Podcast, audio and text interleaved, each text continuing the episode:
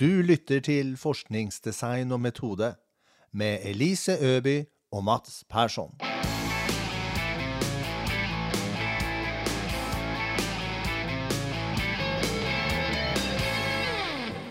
Velkommen til første episode i Forskningsdesign og metode.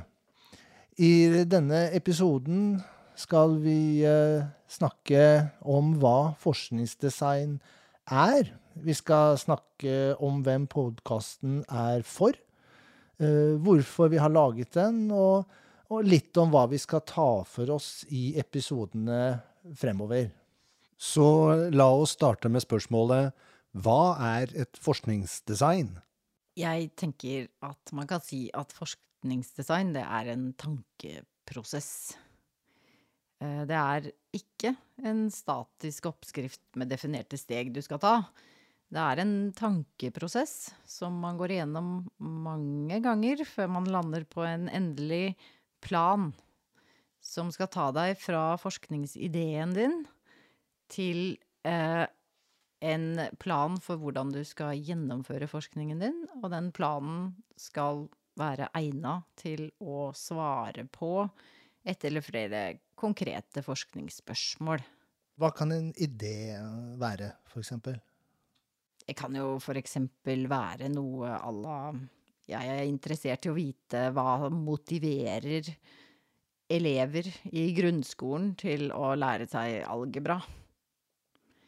Og det er et ganske løs idé, som man må jobbe mye med for å komme ned til noe som kan forskes på, og formulere gode, konkrete forskningsspørsmål som kan besvares på en sånn måte at det du kommer fram til, er troverdig. Når er det vi bruker et forskningsdesign?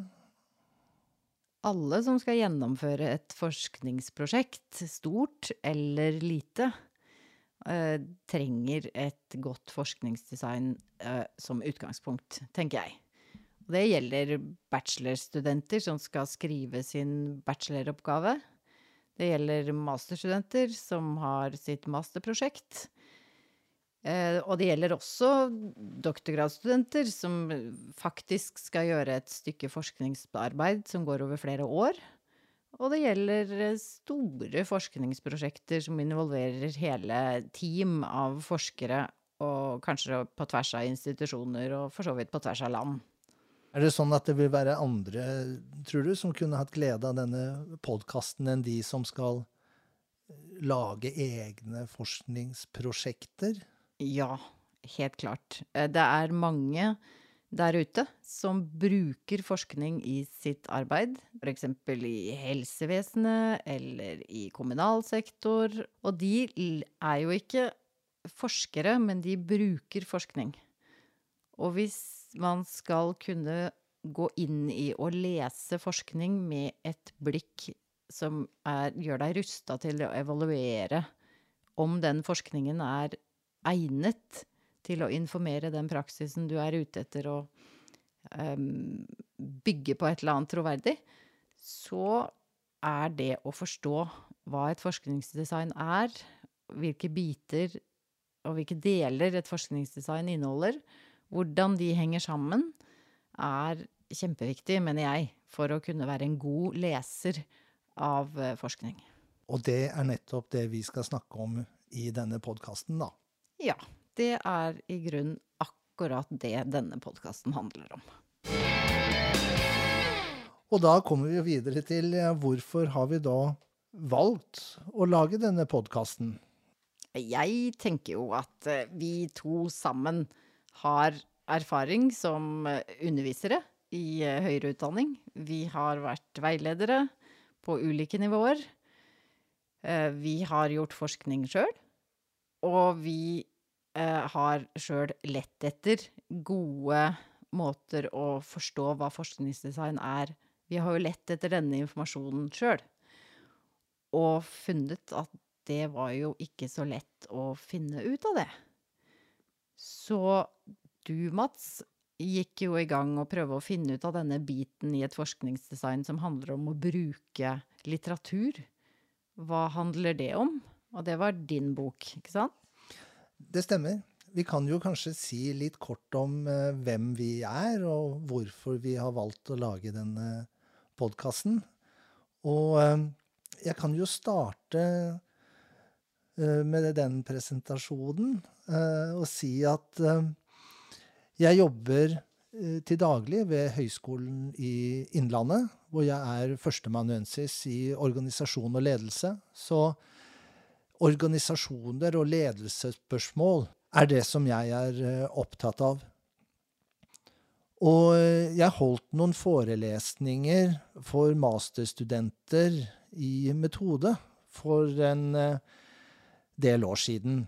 Og da skulle jeg snakke litt om litteraturgjennomgangen. Altså hvis man skal skrive en type forskningsprosjekt, eller lage en bacheloroppgave, eller skrive en masteroppgave, eller et forskningsprosjekt generelt, så må man finne ut hva andre har skrevet om det temaet man skal skrive om selv. Og det er det vi kaller litteraturgjennomgang. Altså man går igjennom den eksisterende litteraturen. Man finner ut hva andre har skrevet om det vi skal skrive om. Og mens jeg holdt de forelesningene, så uh, lagde jeg en liten modell for å huske hva jeg skulle si. Og den lille modellen utviklet jeg over flere år. Og til slutt så tenkte jeg at nå har jeg brukt så mye tid på denne her modellen, så nå kan jeg kanskje skrive en liten bok om det. Vil du si litt om uh, din bakgrunn, og ikke minst den boken som vi kommer til å bruke aktivt veldig mye i podkasten? Ja. Min bakgrunn er litt annerledes enn din, Mats. For jeg var Jeg tok Min doktorgrad er i teoretisk matematikk, algebraisk geometri, fra lenge siden, 2004. Etter å ha undervist i en del år i type matematikk, fysikk, statistikk for ingeniørstudenter i hovedsak, så fant jeg ut at jeg hadde lyst til å ta en master i organisasjon og ledelse. Og det var sånn vi to ble kjent, Mats. Og etter hvert som jeg tok den utdanningen, så ble jeg etter hvert involvert i metodeundervisningen i det studieprogrammet som jeg selv hadde tatt en master i.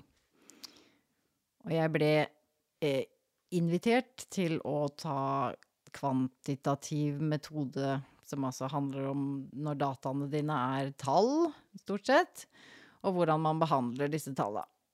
Så etter hvert ble jeg også invitert inn til å dekke større deler av metodeundervisningen og undervisning om forskningsdesign i det studieprogrammet. Og da jobba jeg sammen med professor Julian Cheek, som jeg har også da skrevet en bok sammen med, som heter Research Design Why Thinking About Design Matters. Når vi leser i metodebøker, eh, så kan vi ofte lese at forskningsdesign er en del av noe større.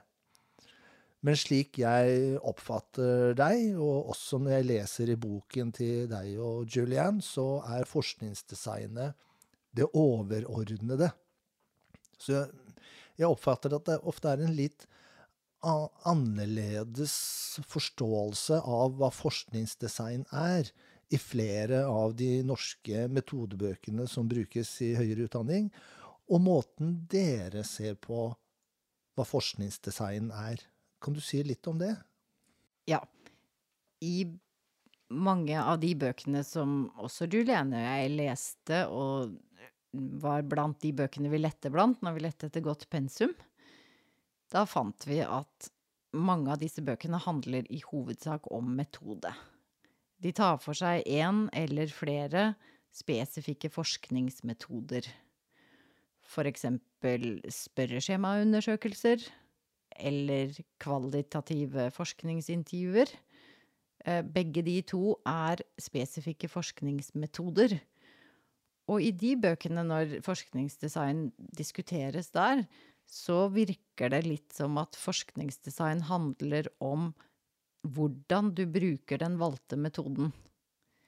Mens eh, Julianne og jeg, og i boka, skriver om forskningsdesign på en annen måte. Vi tenker at forskningsdesign er hele det store bildet av hvordan Hva du spør om, hva du vil vite, hva er forskningsspørsmåla dine? Hvordan plasserer du forskningen din i den eksisterende litteraturen som litteraturgjennomgangen som du har skrevet om, Mats? Eh, den litteraturgjennomgangen vil identifisere hva andre har skrevet om det temaet du er interessert i. Hvordan plasserer du ditt forskningsspørsmål i denne samla kunnskapsbasen om det temaet du er interessert i? Og forskningsdesignets Den har en del som handler om metode, men den metoden henger sammen med hvordan du bruker litteratur, hvilken litteratur du bruker, hvilke teorier du velger å støtte deg til, og hvilke du forkaster. Så metode og metodevalg er en del av forskningsdesignet, og ikke omvendt. Helt riktig. Da er vi jo kanskje kommet til eh, det punktet hvor vi kan snakke litt om hva er det vi skal ta for oss i de ulike episodene fremover. Vi kommer til å ta for oss litt om forskningsdesignets ulike deler. Eh, det blir i og med at det er et podkastformat, så må vi diskutere ulike deler litt i rekkefølge. Selv om hovedbudskapet vårt er at alle disse bitene henger sammen. Vi kommer også til å ta for oss etiske spørsmål. Etiske spørsmål er gjerne delt i ja, to ulike deler av å tenke etisk. Det ene handler om å få et, altså godkjenning til å gjennomføre forskningsprosjektet ditt, særlig hvis det innebærer at du skal samle persondata på en eller annen måte. Men du tenker også etikk gjennom hele gjennomføringen av prosjektet ditt. Og så skal vi snakke om litteraturgjennomgangen. Vi skal snakke om hvilken plass litteraturgjennomgangen har i forskningsdesignet. Vi skal snakke om hvordan vi lager en litteraturgjennomgang. Og det betyr at vi skal i ganske detalj gå gjennom den 6S-modellen som jeg presenterer i min bok. Og eh, vi skal også snakke om hvordan de ulike delene i denne modellen henger sammen. Og på samme måte som alle deler i forskningsdesignet ikke kan ses som adskilte enkeltkomponenter, så kan heller ikke delene i en litteraturgjennomgang ses på den måten. De ulike delene henger sammen, og når man er ferdig med en del, så må man kanskje komme tilbake til den senere. Og så skal vi snakke litt om hvordan vi lager forskningsspørsmål. Forskningsspørsmål er jo kjempeviktig. Ikke sant, Mats? Både du og jeg vet at å lage gode forskningsspørsmål, det er ikke lett. Og vi har brukt mye tid med alle studentene vi har veileda, i den delen av eh, prosjektet som handler om å finne ut spesifikt hva er det de ønsker å finne svar på. Og det er jo forskningsspørsmåla deres. Og det å klare å formulere gode forskningsspørsmål, det er så viktig. Fordi det er jo forskningsspørsmåla som i stor grad vil veilede deg til å fatte gode beslutninger om de andre delene av forskningsdesignet ditt. Og så skal vi, eh, så skal vi snakke om teori. Det skal vi.